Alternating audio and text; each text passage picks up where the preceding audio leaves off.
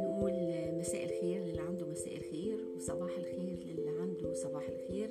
وحشتوني قوي حقيقة من آخر مرة. آه، أنا معاكم دكتورة سحر عبد العال حامد استشاري أمراض النساء والتوليد والإرشاد الأسري. آه، أنا بعتذر إن الأسبوع اللي فات الحقيقة ما قدرتش أطلع نظرا لظروف صحية خاصة بيا. آه، النهاردة إن شاء الله هنتكلم بس مش هوصيكم طبعا تعملوا لايك للصفحة وتتابعوا القناة على اليوتيوب وتفعلوا الجرس عشان أنا يهمني جدا إن القناة تكبر بيكم. موضوع النهارده هو الكلمة. أنا هستعير بداية الموضوع قبل ما أتكلم بكلمات قالها الراحل العظيم المبدع عبد الرحمن الشرقاوي عن الكلمة وقال هل تعرف ما معنى الكلمة؟ مفتاح الجنة في كلمة. ودخول النار على كلمة. وقضاء الله هو الكلمة. الكلمة نور وبعض الكلمات قبور. الكلمة فرقان ما بين نبي وبغي. إن الكلمة مسؤولية. إن الرجل هو الكلمة. شرف الرجل هو الكلمة. الحقيقة فعلا إن الكلمة دي ممكن تحيي وتموت وتحلل وتحرم وإحنا بمنتهى البساطة بنقول إيه الكلمة؟ الكلمة لما تتقال ممكن تخلي اتنين ما يعرفوش بعض يبقوا حلال لبعض وكل شيء بينهم يبقى حلال بشرع الله. الكلمة لما تتقال ممكن تحرم اتنين على بعض ويتحولوا أغراب مرة تانية بكلمة. الكلمة أمانة ومسؤولية.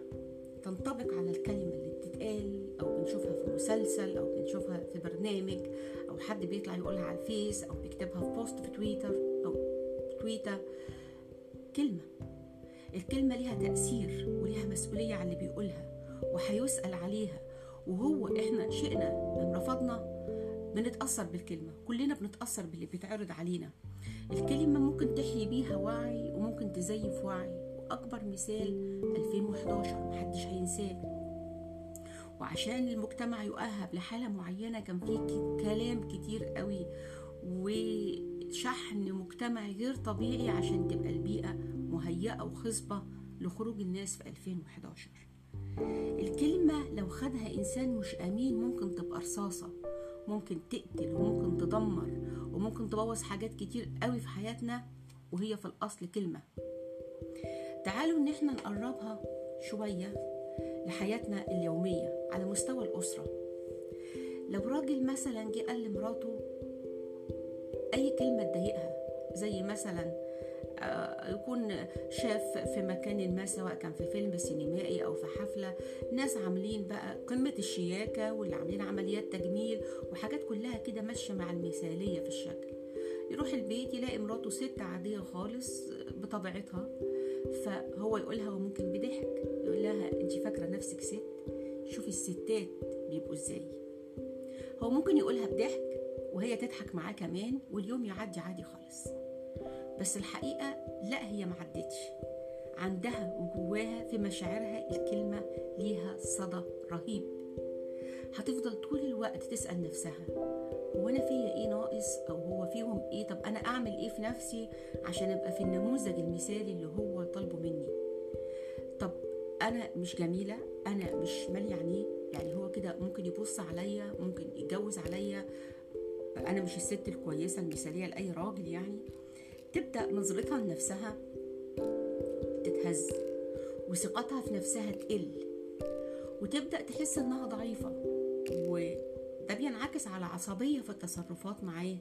في ردود أفعالها بتبقى غير متوقعة أحيانا. وهو قال كلمة هزار كلمة قالها. إيه المشكلة يعني؟ ما كل الرجالة بتهزر مع ستاتها وتقول لها اتجوز عليكي. لا هو مش هزار. هي قنابل بتحدفها بتاخد صداها بعدين بتجيلك أنت بقى في التعاملات اللي بعد كده. الست دي بتحس إنها لو حد قال لها كلمة حلوة بتبقى مش هقول ضعيفة عشان كلمة ضعيفة الناس بتفهمها إنها لازم نصل إلى الخطيئة يعني. لا أنا ما أقصدش كده. لكن كونك إنك توصل مراتك إنها تسمع كلمة من حد غيرك إنها حلوة أو جميلة أو فيها إنها مرغوبة ومش هقول حتى تتجاوب أو تكمل معاه لكن مجرد إن أنت توصلها لمرحلة إن الكلمة دي تأثر فيها بشكل إيجابي أنت عملت مصيبة. أنت عملت مصيبة. في ربنا لما جه قسم الناس الستات والرجالة قال محصن وغير محصن. يعني ست المتجوزة دي محصنة جاية من الحصن. الحصن ده يعني إيه؟ يعني حماية من كل حاجة. مش تجيب لها بيت أربع حيطان وتخليها هي حاسة بالضياع والفراغ. لا تحصنها نفسيا وجسديا وماديا وكل حاجة. تبقى أنت كل دنيتها وكل حياتها. مش بكلمة صغيرة تهدها. وتخلي ما عندهاش ثقة في نفسها. لازم مراتك حتى لو انت شايفها انها مش أجمل واحدة لازم تحسسها انها ملكة ملكة الدنيا كلها. ولو هي أقل ست جمالا انت لازم تحسسها عشان تحسسها بأنوثتها ويبقى ليها وفائها وحبها وليك ولأسرتها إنها أجمل ست في الكون. انه أصلا عينك ما تعرفش تشوف غيرها. ده ما اسموش لا نصب ولا اسمه كذب ده اسمه حقوق هي حقها عليك. إن أنت تحصنها وتشبعها نفسيا وعاطفيا وما تبقاش محتاجة أي حد من أي حد في الدنيا. لأن في الآخر مش هفكرك أو أفكر الرجالة وأقول لهم إن ستاتكم اللي في بيوتكم دي أمانة. هتسألوا عنها يوم القيامة حساب عسير لو أنتوا فرطتوا أو قصرتوا. مراتك لما بتعمل حاجة غلط هتسأل عليها لأن هي كائن ناضج يحاسب لوحده. بس. أنت عارف برضو إن أنت كمان هتسأل على ذنوبها هي. لأن أنت ما ساعدتهاش إنها تكون صالحة. نفس الكلام هوجهه للسيدات وهقول لها خلي بالك إن جوزك لما كنتيش تحسسيه إن هو برجولته وهقول لكم رجولته دي تبقى إزاي هو لا يمكن يكون وافي ليكي كلمة الرجولة مش معناها الواجبات الزوجية التقليدية. الرجولة يعني تحسسيه إن هو مال عينيكي إن هو الدنيا وما فيها إن هو السند والظهر والأمان والحماية وهو كل حاجة. حسسيه لما يجي يحكي لك قصة متكررة قالها 100 مرة قبل كده مش تقولي له خلاص بقى ما عرفنا إن أنت جامد بقى وإن أنت سبع البرومبا والكلام هو هزار. لا هو مش هزار. أنت لازم تحسسيه إن هو عمل شيء عظيم جدا وإن هو حد ما حصلش في الدنيا. حتى يا رب لو كان اللي عمله غير لمبة المطبخ المحروقة. حقه لأنك انت برضو ببساطة لما تحسسيه إن هو كل ما يجي يقول حاجة عادي ما كل الرجالة بتعمل كده. انت محسسني إنك عملت كل حاجة يعني. طب ما شوف فلان بنت خالتي ولا بنت عمتي ولا شوف جارتنا. شوف عايشة إزاي وجوزها عامل لها إيه ومدخل عيالها مدارس إزاي. هتقولي إيه يا دكتور؟ ما كل الناس بتتكلم كده. هو أنتوا هتقفي لنا على الواحدة؟ أمال يفضفض مع مين؟ طب ما أنا لازم أقول له عشان يتحرك. لا. هو الحقيقة انت لما بتقولي له كده برضه هو في اللاوعي بتاعه بيترسب إحساس إن هو مش الراجل المثالي بالنسبة لك وإن هو مش مالي عينك قوي. وخصوصا إن لو حصل بقى إن انت كنت أكثر تجريحا ومفيش حد فينا مكن إحنا مش مكن مش كمبيوترات ماشية بزراير حتى الكمبيوتر بيعطل. فلو حصل مرة في العلاقة الحميميه كان أقل من طبيعته أو كان غير كفء فتبدأي انت بقى تهزري بخفة دم كده وتروحي مدية كلام معناه إن أنت يعني منتهي الصلاحية أو حاجة بالكلمات اللي بيستعملوها مع بعض. انت كده بتهزري وكل حاجة بس هو بالنسبة له لا مش هزار. انت ربكتيه. انت شككتيه في مقدرته كراجل على إن هو يكون مالي عينيكي لو انت طبعك كده وعلى طول بتقللي منه خلي بالك أول ما يسمع كلام حلو من واحدة هو مش هيعرفها وممكن يحبها بجد. لأن الراجل ما يعرفش يعيش من غير ما يحس برجولته. ورجولته مش معناها العلاقة.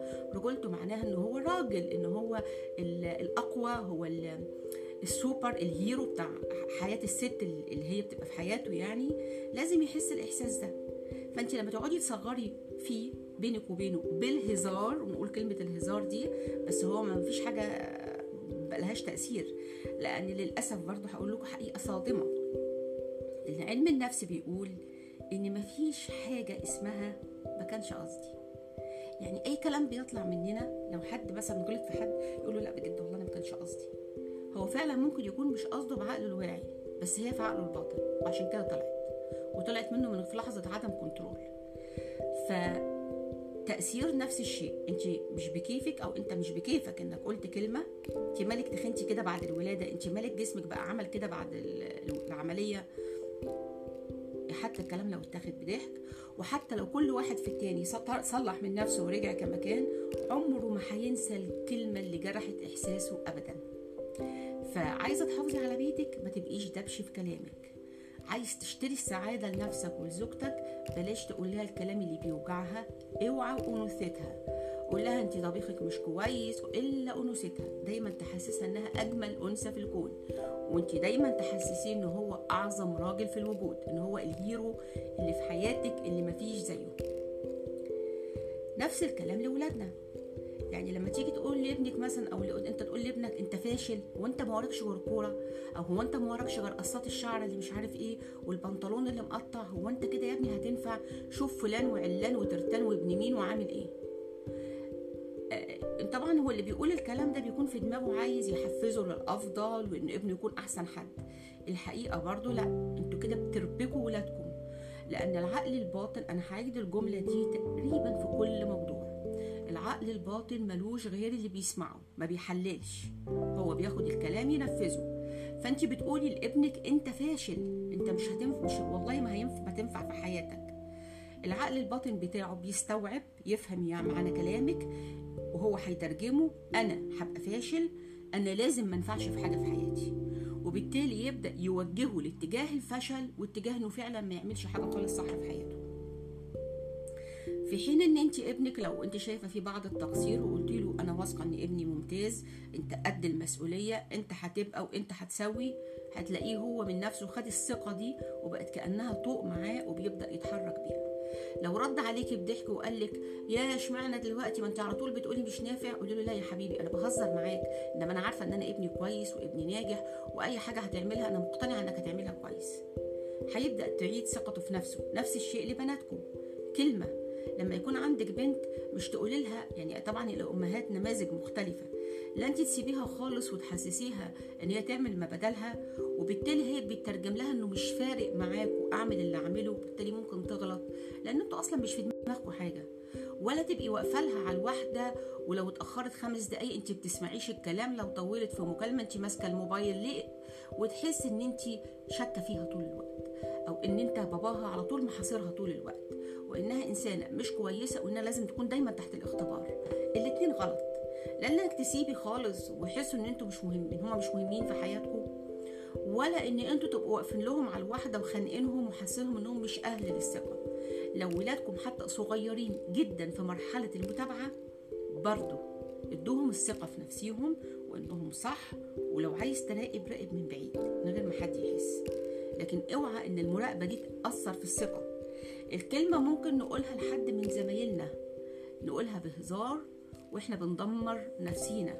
تيجي مثلا لزميلك حد مبهدل شوية مش لابس مش واخد باله من نفسه فتقول له انت على طول كده مبهدل وعلى طول مش مهتم بنفسك طب بص لنفسك شوية.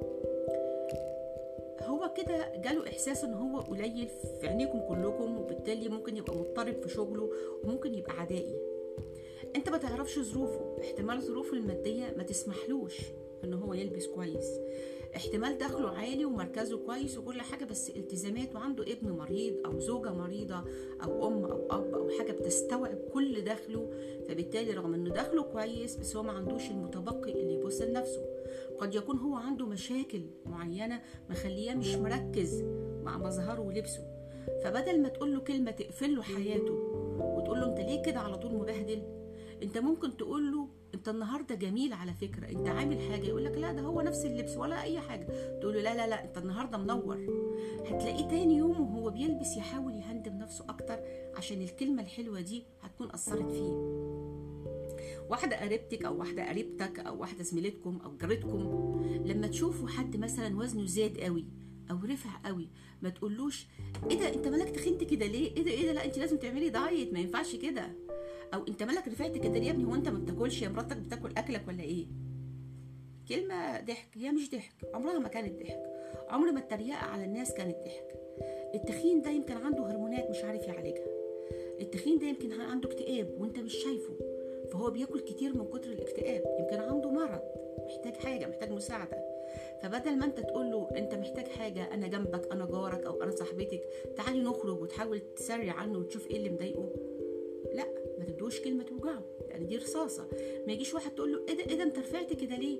ما يمكن جاله سكر فجأة أو جاله cancer ربنا يعافيكم جميعا. مش لازم يعمل نشرة إعلان في الجرايد ويقول أنا جالي cancer على فكرة. لا في ناس بتتكسف وبتتحرج ومبتبقاش قادرة تتكلم. يمكن بياخد كيماوي ولا بيتعالج ولا عنده مشكلة. أنتوا يعني ما حدش يحكم على حد بشكله ما حدش يقيم حد بمظهره. هي كلمه بتتقال. يعني الكلام ده بقى هو اللي هيحاسبنا عليه ربنا. سيدنا سعد بن معاذ سأل الرسول عليه الصلاة والسلام قال له يا رسول الله هل يحاسبنا الله على زلقات ألسنتنا؟ يعني الكلام اللي بنقوله وإحنا مش قاصدين بنقوله كده. قال له يا سعد وهل يكب الناس على وجوههم يوم القيامة في النار إلا حصائد ألسنتهم؟ كلام إحنا بنقوله كده ومش واخدين بالنا. كلمة ممكن تودي الجنة بجد وكلمة ممكن تودي النار بجد. ممكن تحول حياة حد الجحيم بكلمة قلتها ومشيت ونسيت إنك قلتها. وممكن تخلي حد طاير طول النهار وحياته في منتهى السعادة بكلمة حلوة جبرت بيها خاطر حد وأنت ماشي وده طبع فيك وأنت ما كنتش تقصد تقولها له. اللي أنا عايزة أقوله كمان الحاجة الغريبة إن هرمونات المخ بتتحكم بالكلام.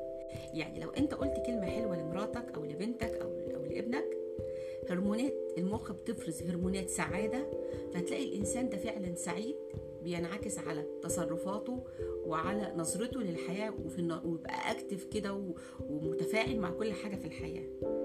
ولما تقول لحد كلام وحش أو سيء أو جارح اكتشفوا إنه بيأثر على كيمياء المخ ويطلع إفرازات معينة بدون أسامي علمية تخلي الشخص عصبي ومتوتر واكتئاب وتوصله لمرحلة الاكتئاب.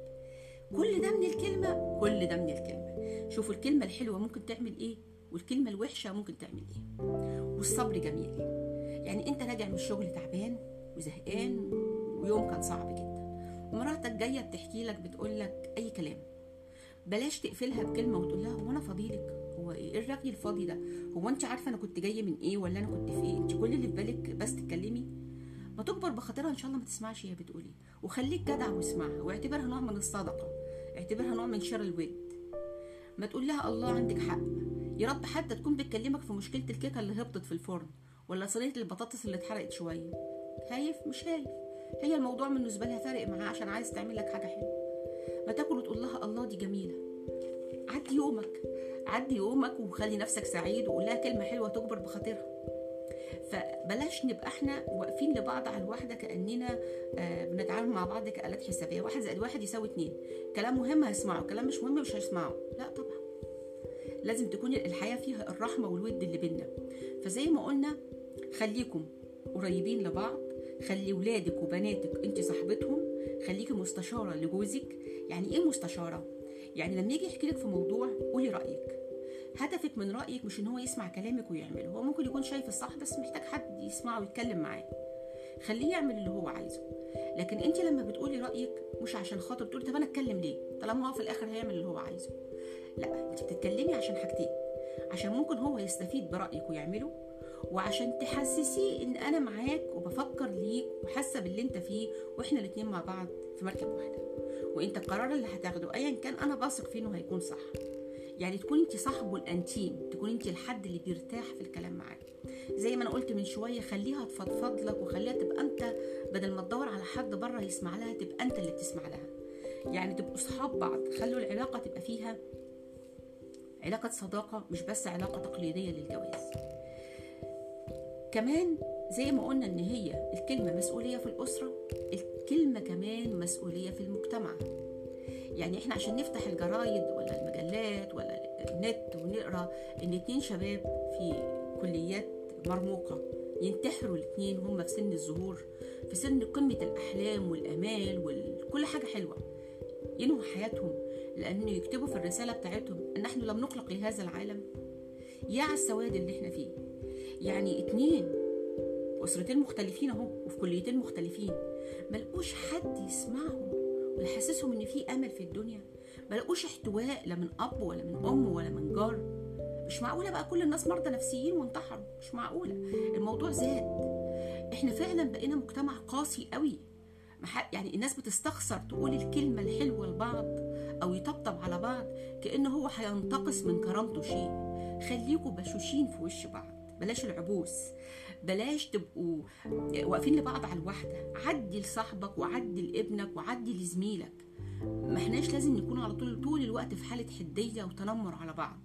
خلي الرحمة تحل شوية محل القسوة اللي بقت في قلوب ناس كتير. موضوع القتل اللي زاد قوي إحنا زمان ما كناش بنسمع على جرائم قتل كتيرة. لكن قتل قرايب وقتل يقتل أمه ويقتل أبوه ويقتل ولاده حاجات بقت شيء بشع بقينا بنشوفه بشكل يومي. بس اللي إحنا مش واخدين بالنا ان إحنا السبب. هو إحنا اللي بنتعجب ومش عاجبنا هو إحنا السبب. وهديكم بالمثال الحي. دلوقتي مثلا لما يجي مسلسلات فيها بلطجة وفيها قتل وفيها زنا محارم وفيها بلاوي سودا نقعد نقول إيه؟ وحشة بتهدم المجتمع ناس الوحشين. وكل الناس قاعدة بتتابعها سواء كان على منصات ولا على التلفزيون أو في أيا كان بقى المكان اللي هي معروضة فيه وبيتابعوها في وقتها ويسمعوها ويمكن يتفرجوا على الإعادة وبعدين يطلعوا يشتموا فيها.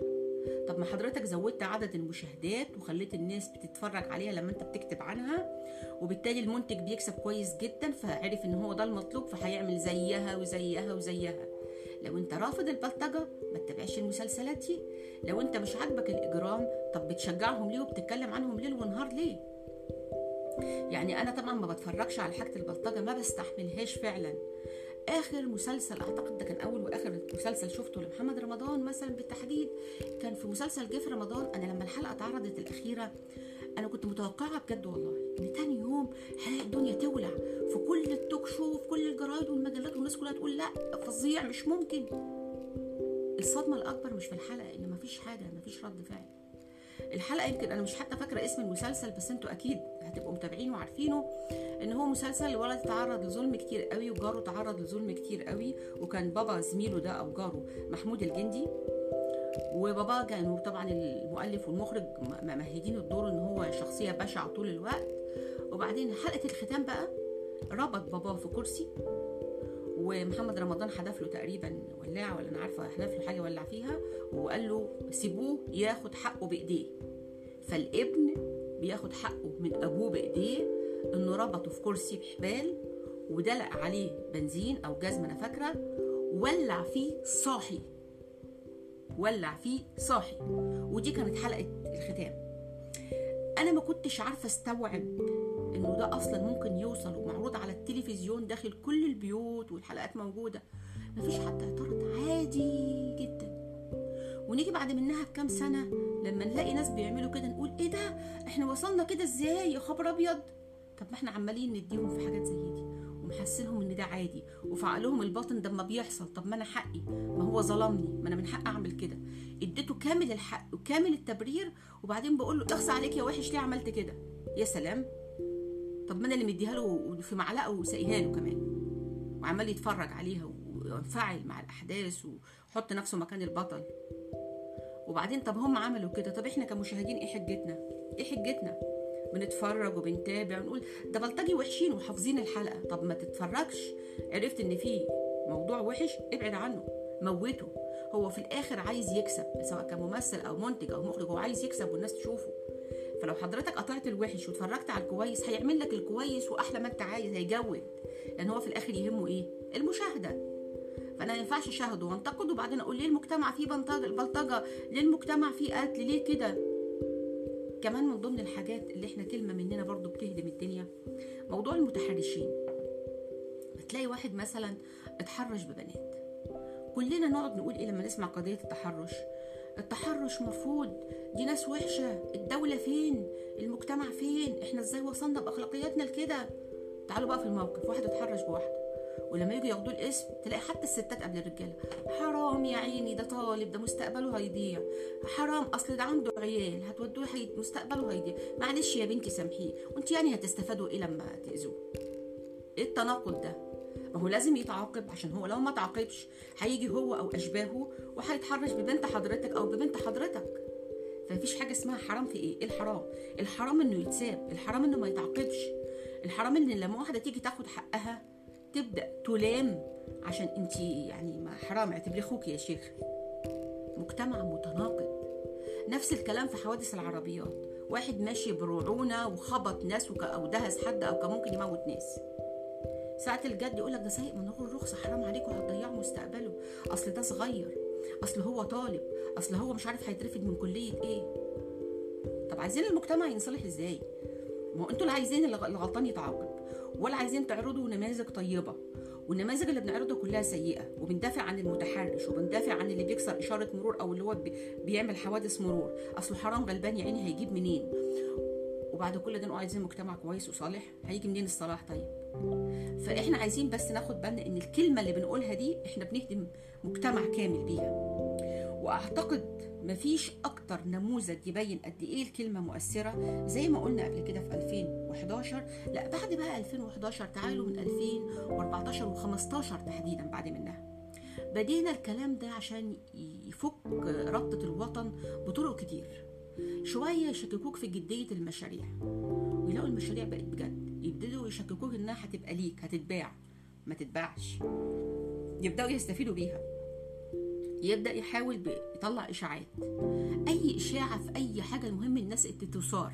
إشاعة على شخص بقى إشاعة على حاجة في البلد إشاعة على حد كويس فيحاول يشوهه من صورته ويعملوا بقى هاشتاجات والدنيا كلها تقوم. ما تجيش ما جابتش معانا. طب يعملوا إيه طيب؟ ما لقوش غير حاجة واحدة يعملوها. بالنسبة للاخ المشلوح اسمه المشلوح اللي هو الكنيسة تراتضه اللي اسمه بطرس. بصرف النظر بقى إن الفيديو ده من 12 سنة. أصلا مش جديد قديم. وطلع دلوقتي وبدأ يحيى من جديد وينتشر في كل الدنيا تذيعه أو هو جديد النتيجة واحدة مش فارقة معايا. مش فارقة لأن في ناس قالوا ده قديم وايه اللي طلعه دلوقتي ده الكلام ده من 12 سنة. وفي كلام قالوا لا ده هو دلوقتي وهو قال الكلام ده تاني. ما لقوش معانا حاجة. فقال لك إحنا أحسن حاجة البلد دي مش هيجيبها غير فتنة طائفية. نخلي المسلمين إحنا عددنا 120 مليون باللاجئين. 120 مليون. فلو إحنا نزل لهم طحن في بعض وهم بقى إيه جمالها بقى المسلمين والمسيحيين عايشين في بيت واحد وزمايل في مكان واحد. فلو طحنوا في بعض مش هتقوم لها قومة. حقيقة خلاص هيبقى الدم في كل حتة. يبقى إحنا نوقعهم في بعض. نطلع واحد يشتم المسلمين ويقل ادبه عليهم وبعد شوية يجي واحد مسلم بقى بيدافع عن رسول الله يطلع يشتم في المسيحيين وده يشتم وده يشتم وده يبقى هنا جابها وجابها. ويبقى وصل اللي هم عايزينه. اللعبة دي مش جديدة قوي. اللعبة دي حصلت في القرن الماضي سنة 19 في ثورة سعد زغلول. وساعتها كان المشايخ والأسس عملوا إيه؟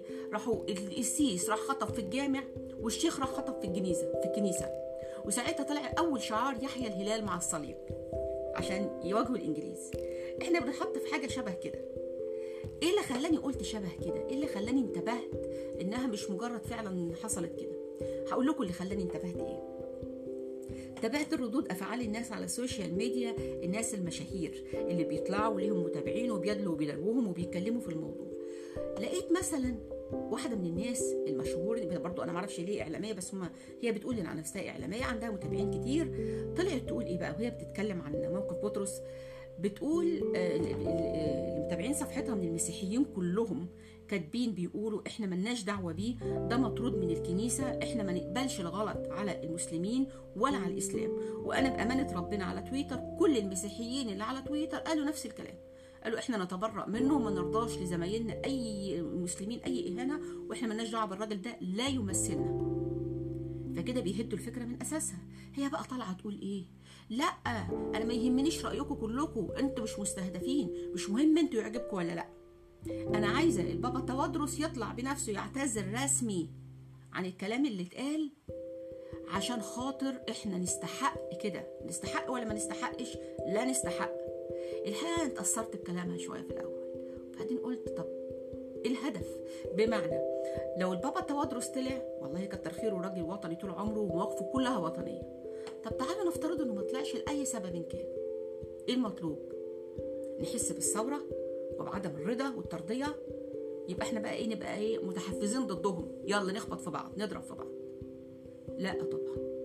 لو البابا توادرس طلع ألف تصريح بالإنكار والمسيحي اللي عايش جنبي وزميلي وجاري وصاحبي مؤمن بالفكرة دي هنطحن بعض.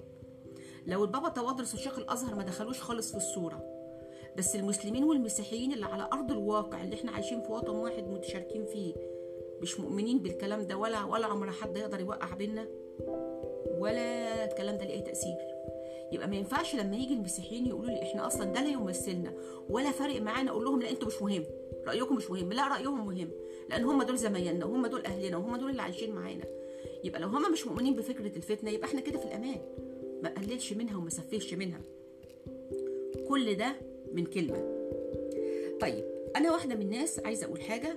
عايزة أقول إن أنا آه، سيدي ونبيي سيدنا محمد صلى الله عليه وسلم هو سيدي ورسولي وعلى راسي وحبي كله ليه وإيماني كله بيه. لكن ده ما يمنعش إن أنا بحب زمايلي المسيحيين وبحب جيراني المسيحيين وبحب أصدقائي المسيحيين ونص أصحابي مسيحيين وهنفضل كده على طول. وهتفضل مصر كده وهي دي مصر شاءوا أم ابوا إحنا مصري سواء مسلم مسيحي اسمه في الآخر في الباسبور أخضر واحد مصري. مفيش باسبور للمسلم وباسبور للمسيحي إحنا باسبورنا واحد وبناخد رقم قومي متسلسل واحد.